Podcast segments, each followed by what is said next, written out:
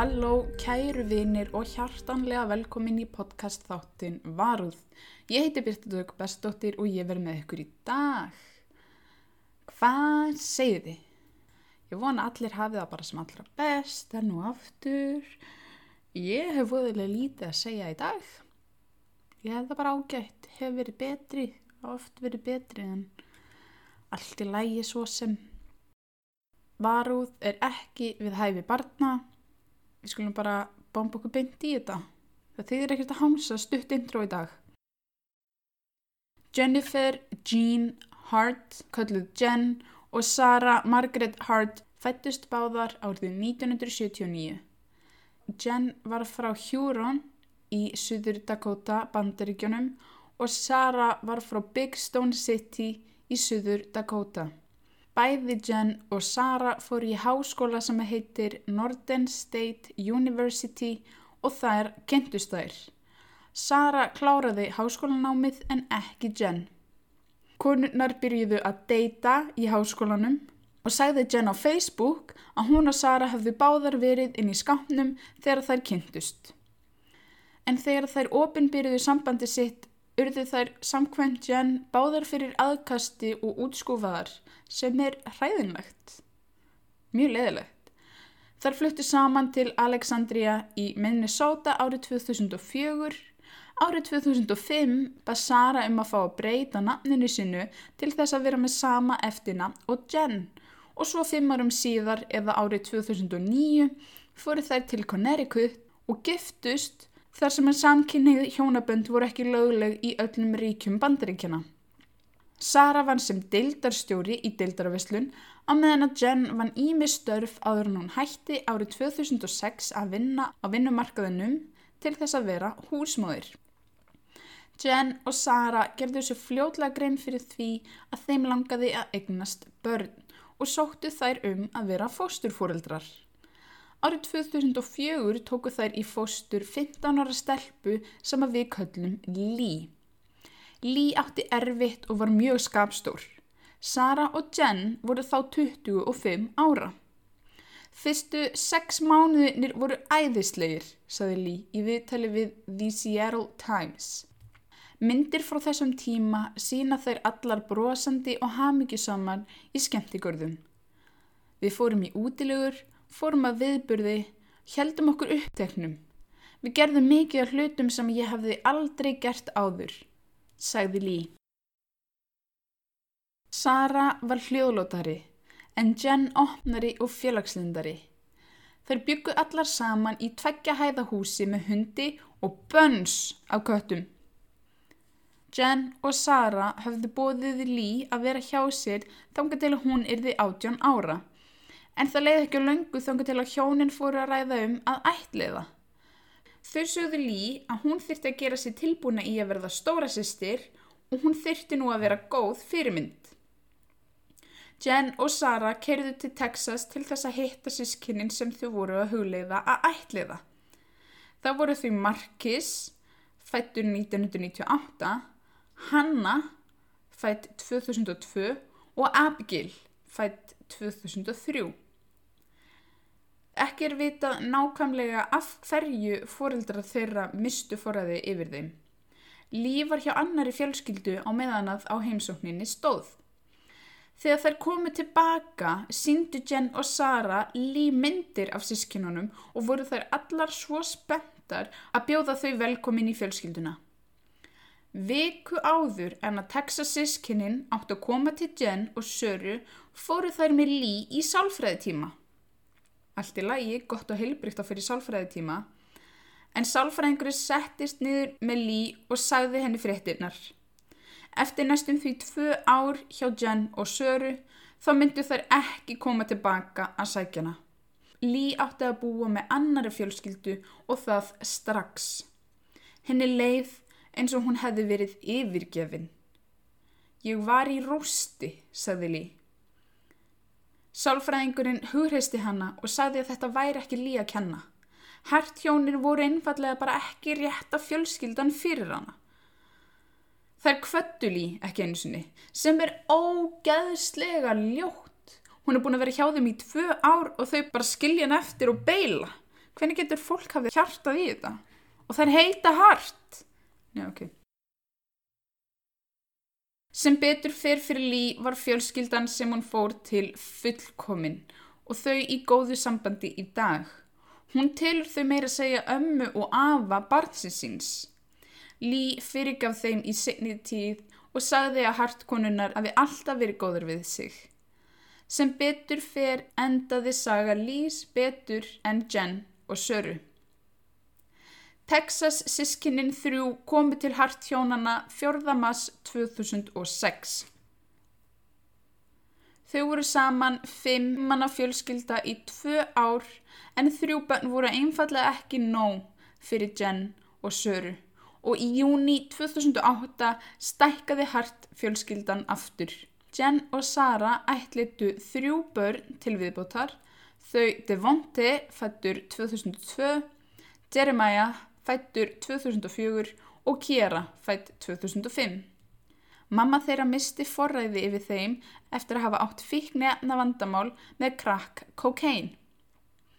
Engin af þeim þreim áttu sama blóðföður og voru þau sendt til þess að búa hjá frængu sinni með því skilirði að þau myndu ekki hafa neitt samband við móðu sína. En það endist ekki lengi vegna þess að frængan lifði móðir þeirra ofta koma í heimsó og jafnvel að passa börnin meðan að frængan var ekki þar. Þess vegna voru sískinnin tekin af frængunni. Frængan reyndi að fá forræði við þeim aftur og oftar en einu sinni en var neitað í hvert skipti. Þarna samanstendur fjölskyldan af þeim Jen og Söru Hart, þau eru gift og eiga sex ætli bönn. Þau eru Markis, Hanna, Abigail, Kiera, Jeremiah og Devonti. Jen var mjög virk á samfélagsmiðlum og notaði Facebook til að setja upp glansmitt af henni fullkomnu fjölskyldu. Myndir af stóru fjölskyldinni í eins bólum með resastór brós á vörum sér voru eitthvað sem var algeng sjón á Facebook síðu Jen. Þau fóru oft saman á útiháttíðir sem að endust í marga daga. Þar dönsuðu þau, sungu og stunduðu jóka. Umælendur hrósuðu þeim í bak og fyrir fyrir það hversu vel þau voru að ala upp börnin sín og spurði hvort þau myndu byrja með raunveruleika þætti. Einni fekk Devonte sínar 15 mínútnum fræð eftir að myndband var tekin á honum lappa upp af tónlistamanninum Xavier Rudd á tónlistarháttíð þar gaf hann honum resa knús. En það var ekki í eina skipti sem að Devonti var heimsfrægur og einni nóttu. Árið 2014 var ungur litaður drengur að nafni Michael Brown skotinn til bana af hvítum lauruglumanni. Við það brutust út mikil mótmæli. Jen sagði á Facebook síðu sinni að Devonti hafi staðið hugrakkur einn fyrir framann laurugluflótan með skildi sem ástóð frí knús. Einn lauruglumannana kom að honum og rétti út höndina. Hann spurði af hverju Devonti væri að gráta. Devonti lísti áhegjum sínum yfir grimd lauruglumannana gagvert lituðu fólki. Lauruglumæðurinn svaraði með því að byggjast afsugunar og spurði hvort hann mætti fá knús. Devonti lefði það og var tekin mynd af þeim í miðju faðmlægi. Lörglumæðurinn heldur um grátandi Devonti og veitur honum stuðning. Þessi mynd fór eins og eldur um sinu og verð heims fræg á einni nóttu. Jen listi því á Facebook síðu sinni hvað hún veri ótrúlega stolt af sinni sínum. En því miður eins og svo oft í svona sögum segja samfélagsmiðlar ekki allan sannleikan. það fór að koma upp ásakanir um að hart hjónin beittu börnunum sínum ofbeldi. Árið 2008 í Minnesota sást Hanna með sár á vinstri handlegnum.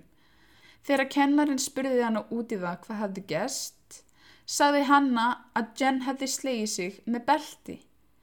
Innan nokkura mánuða frá þessu atviki voru öll sex börnin tekin úr almenningsskóla í eitt ár.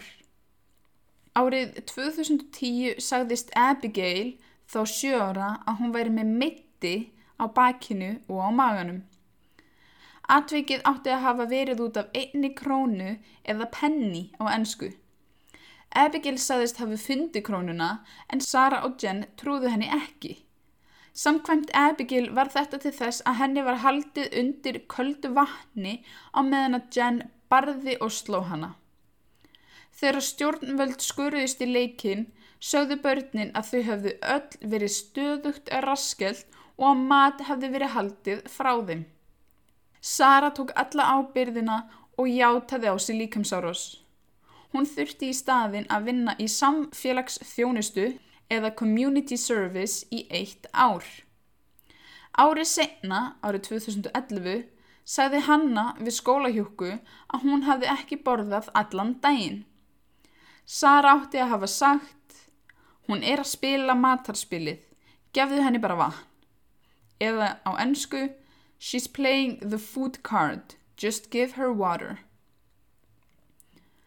Í kringum þetta atvik voru öll börnin tekin úr almenningsskóla aftur og mæðunar settu þær í heimaskóla og byrjuðu að kenna þeim heima. Þær fóru aldrei aftur í almenningsskóla og þau fluttu einnig á þessum tíma frá Minnesota til Oregon. Árið 2013 byrjuðu yfirvöldi í Oregon að fylgjast með hartjónunum eftir að hafa heyrt af ásökunum um barnaníð frá Minnesota. Þetta var til þess að viðtöl voru tekinu við alla í fjölskyldunni og einu við fólk sem að þekkti fjölskylduna. Þessi viðtöl við fjölskyldu vinina gáfi það í ljós að börnin þurftu að rétta upp hönd áður en þau töluðu, þau máttu ekki óska hver öðru til hamingi með afmælið og þau máttu ekki hlæja við mataborðið. Einni kom það fram í þessum viðtölum að börnin fengu mjög lítið að borða og verið þess vegna mjög lítil miða við önnur börn á þeirra aldri. Börnin voru að sögn döðrætt við Jen og að þau hugðuðu sér eins og vel þjálfuð vélmenni. Einn fjölskylduvinurinn sagði að Jen hafði einu sinni panta pítsu fyrir börnin en þeim var bara leifilegt að borða eina litla sneið. Þegar að Jen komst að því að öll pítsan var í horfin því að sjokker, börn á aldrinum 8-15 ára, þurfa meira að borða en eina pítsusnegi kvöldmatt, þá refsaði hún börnunum með því að neyta að gefa þeim morgumatt og neyða þau í að liggja á rúmunum sínum í 5 klukkustundir. Þetta eru krakkar sem að verða að reyfa sig og fá ekkveri örfun en hún neyðir þau í að liggja í rúminu í 5 klukkustundir. Þú veist, þau eru búin að sofa allan daginn, halló, kannski er það bara gott, þau hafa á orku að því að þau fá aldrei neitt að fokking borða. Jæja, en viðtölinn við börnin sjálf gáfu ekkert sagnæmt í ljós. Þau töluð ekki um neitt ofbeldi, hvorki í Oregon nýja Minnesota. Í viðtalinu við Jen saði hún að fjölskyldan hefði jú sín vandamál bara alveg eins og allar aðrar fjölskyldur. Þeirra var aðalega vegna aðkastsins sem að fjölskyldan varð fyrir vegna þess að þær voru samkynnikt par með sex afrísk-amerísk börn.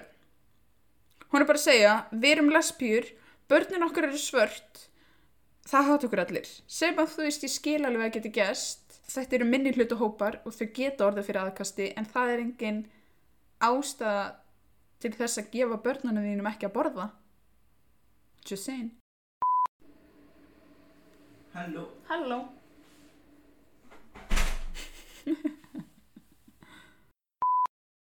Þegar allt kom til alls gæti rannsóknin ekki gefið í ljós hvort að mæðunar væri sökar eða að börnin væri í nokkuri hættu. Það sama sagði Lý, gamla fórsturbarnið þeirra. Lý sagðist aldrei hafi verið neitaði mat, neð að þær hafi nokkuð tíma verið ofbeldisfyllar. Ég veit ekki hvað mér á að finnast, sagði hún. Það sem kom Lý á óvart var að Sara hafði verið svo sem að var kærið fyrir líkamsáru sinna. Því að Jen hafði verið miklu skapstæri. Jen og Lý rifist um litla hluti. Einu sinni fóru Sara, Jen og Lee saman á amerískan fótbolltaleik. Þær tóku með sér bolta og ætluðu að reyna að fá einhandar áritun hjá stjórninu Aham Green. En Jen var mikill aðdóðandi hans. Eftir leikin heldu þær á boltanum til þess að Aham gæti áritað á en hann tók og áritaði bara boltan hennar lí. Jen varð ævareið yfir þessu. Lí sagði, Jen held að ég hefði gert þetta til þess að vera leiðinleg. Hún talaði ekki við mig í marga daga eftir á sem að Jen er fullorðin einstaklingur. Ég skil að ef að Lý hefði gert eitthvað hræðinlegt að vera pyrruð kannski, átti hún að ráða því hvaða bolta þessi gaur tekur eða? Þetta er svo asnalegt. Æja, mér finnst þetta mjög asnalegt. Hart hjónin hefðu ný fengið það orðsport á sig að einangra börnin sín frá umheiminum. Því hefði Lý kynst og lísti sinni upplifin svona. Ég man eftir því að hafa orðið leið vegna þess að ég mátti ekki yfirgefa húsið nema það væri til þess að fyrir skólan eða vinnuna. Lí vann nefnilega á Subway þegar hún bjóð hjá þeim. Subway! Þegar hún spurði hvort hún mætti hitta vini sína þá var svarið alltaf nei. Hún þyrsti að vinna húsverk og gera heimavinnuna sína. Ef ég var ekki að gera eitthvað með þeim, þá var ég heima, saði hún. En eins og kom frá áður, það hafði Lí ekkert illt í hjartanu sínu gagvart hart hjónunum. Þvert á móti þá notaði hún aðeins falleg lýsingarorð um þær. Eftir að hafa búið í Oregon, flutti öll fjölskyldan til Washington árið 2017 í hús sem var staðsett við hliðin á fjölskyldu sem að heitir The Calb. Í ágúst sama ár hafði Hanna hoppað út um svefnherbergisklukkan sinn miðjanótt og reynd að ná sambandi við DeKalb fjölskylduna. Hún sagði, ekki senda við tilbaka. Þær eru rasistar og misnóta okkur. Jen og Sara mættu fljótlega og afsuguðu hönnu. Þau sagðu að börnin væru dóp börn innan gesalappa og að blóðmóðir hönnu væri bipolar. DeKalb fjölskyldan tilkynnti atvikið til lauruglu. DeKalb fjölskyldan var einni í sambandi við Devonte eftir atvikið sem var alltaf að betla mat og bað DeKalb fjölskylduna um að segja maðgum sínum ekki frá því. DeKalb móðirinn sagði Fyrst var það einu sinni á dag, svo var það þreysu sinnum á dag. Þanga til að Devonte kom þreysu sinnum á dag í viku og þá vissum við að við þyrtum að sækjast eftir fagmannlegri aðstóð. Senna sagði hann að mat væri haldið frá þeim í ræfsingarskinni og að þau væri stundum beitt ofbeldi. Þessi atvik urðu til þess að þau kalp fjölskyldan tilkynntu hart hjónin til barnavendunanendar. Einu sinni þann 23. mars 2018 og í annarskiptið 27. mars sama ár. Mánudaginn 27. mars 2018, sama dag og til kalp fjölskyldan tilkynnti hartjónin til barnavendunanemndar í annarskipti, tóku Jen og Sara börnin sín í bíltúr. Jen var að keira með fram hraðbraut 1 í Kaliforníu þegar bílinn kerði fram af 30 metra háum kletti og stiftist neyður í fjöruna fyrir neðan og endaði á kvolvi. Jen og Sara sem að sátu í framsettinu letust báðar 38 ára að aldri. Fimm önnur lík fundust í og við bílinn og voru það þau Markis 19 ára, Hanna 16 ára, Jeremiah og Abigail bæði 14 ára og Kiera 12 ára. Eftir mikla leit fannst Devonte aldrei. Yfirdómeri listi því yfir að hann hefði verið í farartækinu þegar áreiksturinn átti sér stað og var hann úrskurðaður látin þann 3. apríl 2019 árið senna. Það kom í ljós að Jen hafi verið með ólulegt magn af áfengi í blóðinu þegar slísið átti sér stað. Sérfræðingar fyndu einni að Sara og tvö önnur börn voru með enni sem að heitir dippenhydromen í blóðinu. Það er lif sem er oftast notað við ofnæmi og er einning notað við svefnleysi. Aukaverkanir geta verið þreita, léleg samhæfing og meldingatröflanir. Ekki er vita fyrir víst hvort að einhverjir fjölskyldumæðilemir hafi verið með ofnæmi eða af hverju þau voru með efnið í blóðinu en mér þykir það líklegt að það hafi verið til þess að auka þreitu og svennþörf í þessu tilviki. Fyrst var áreiksturinn talin slis, en svo komi frekar sagnæmar Google uppflettur í ljós. Sara hefði meðal annars leitað upp. Getur 500 milligram af brendadill drepið 54 kílóa konu? Er druknun sásugalauðs Hvað tekur það langan tíma að deyja úr ofkulnun meðan þú druknar í bíl og hundaskjól sem að drepa ekki eða no kill dog shelter. Mörg gött höfðu komið á fullkomnu ímynd harthjónana. Sara sagði við vinsinn að hún væri bara svo þreytt. Þegar vinurinn sagði að það hliti að vera erfitt að sjá einn fyrir áttamanna fjölskyldu og að hún stæði sér vel, sagði hún takk. Ég heyri þetta ekki oft. Jen saði nefn á Facebook síðu sinni að árið 2017 hafi verið einstaklega erfitt fyrir fjölskylduna. Jen lísti því einni í tölvupústi sem hún sendi til vinna síns að henni hafi liðið vannmettni í einhvern tíma og að hún væri tekinn sem sjálfsögum hlut í sambandinu þeirra. Hún lísti því yfir að hún vissi að Sara elskaði sig en hún væri bara hræðinlegi í að sína það.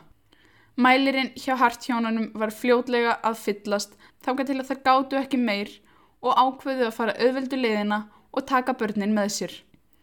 Varinn þessari vittnesku og öllum ásökununum um barnanýð ákvað kviðdómurinn að umværi ræða morð, sjálfsmorð eða murder-suicide á hansku. Eftir þennan sorglega atburð ákvað fjölskylda Jen að halda minningaratömm fyrir fjölskylduna en ættingi Jen sagði að hún hafi aldrei átt sér stað. Heimildamind hefur verið gerð um málið sem kom út 7. apríl síðastliðin en ég sá hana ekki einfallega vegna þess að hún er svo ný og ég hætti erfitt með að finna hana. Og þannig endar mál hart fjörskildunar. Ég vil enda þennan þáttu því að segja að ég veit að ég er ofta mjög uh, óformleg og grínast mikið í þessum þáttum en ég ætla að benda það að mæ er Mental Health Awareness Month eða mánuður vitundavakningar gagvart andlegri heilsu. Það hefur aldrei verið mikilvægt að sjá um sína andlegu heilsu og núna. Þó að samkomiðbanni sé að linna er ennþá mikilvægt að halda fjarlægð og passa sig og hafa þessar aðstöður verið erfiðar fyrir flest alla. Ef þér líður ítla Ef þú þekkir eitthvað sem að líður ítla, þá vil ég benda á hjálparsíma og netspjall 1717. Ég hef sjálf talað við þau og þau eru alveg indisleg. Það er hægt að tala við þau hvena sem er hvaða tíma sólarhengsins. Ég veit það af eigin reynslu að það getur verið ótrúlega erfitt að fá hjálp og að leytast eftir hjálp. Ég hef sjálf átt við andleg vandamál að stríða Ég hef þurft að nota þunglindisleif og ég hef verið lögð inn á geðdild og í fullri hreinskilni þá er það það besta sem hefur komið fyrir mig. Ég er ekki sálfræðingur en ég hef reynslu sjálf og ef það er einhver sem að vil heyri mér til þess að fá upplýsingar um mína reynslu eða bara einfallega til þess að spjalla við eitthvað þá er hægt að nálgast mig á öllum helstu samfélagsmiðlum annarkvort á mína personulegu síður eða síður varúðar podcasts. Upplýsingar verða í bæjó á þættinum og á Facebook-grúpu varúðar. Mér þykir oft auðveldara að tala við eitthvað sem að ég þekki ekki frekar en eitthvað sem ég þekki. Þannig að endilega ekki hika við að tala við mig. Elsku vinnir, geriði það, hugsiði vel um ykkur og setiði ykkur alltaf í fyrsta sæti. Ekki hika við að leytast eftir hjálp. Þú ert ekki einn. Og þannig ætla ég enda þennan þátt í dag. Knúsi hús, bless.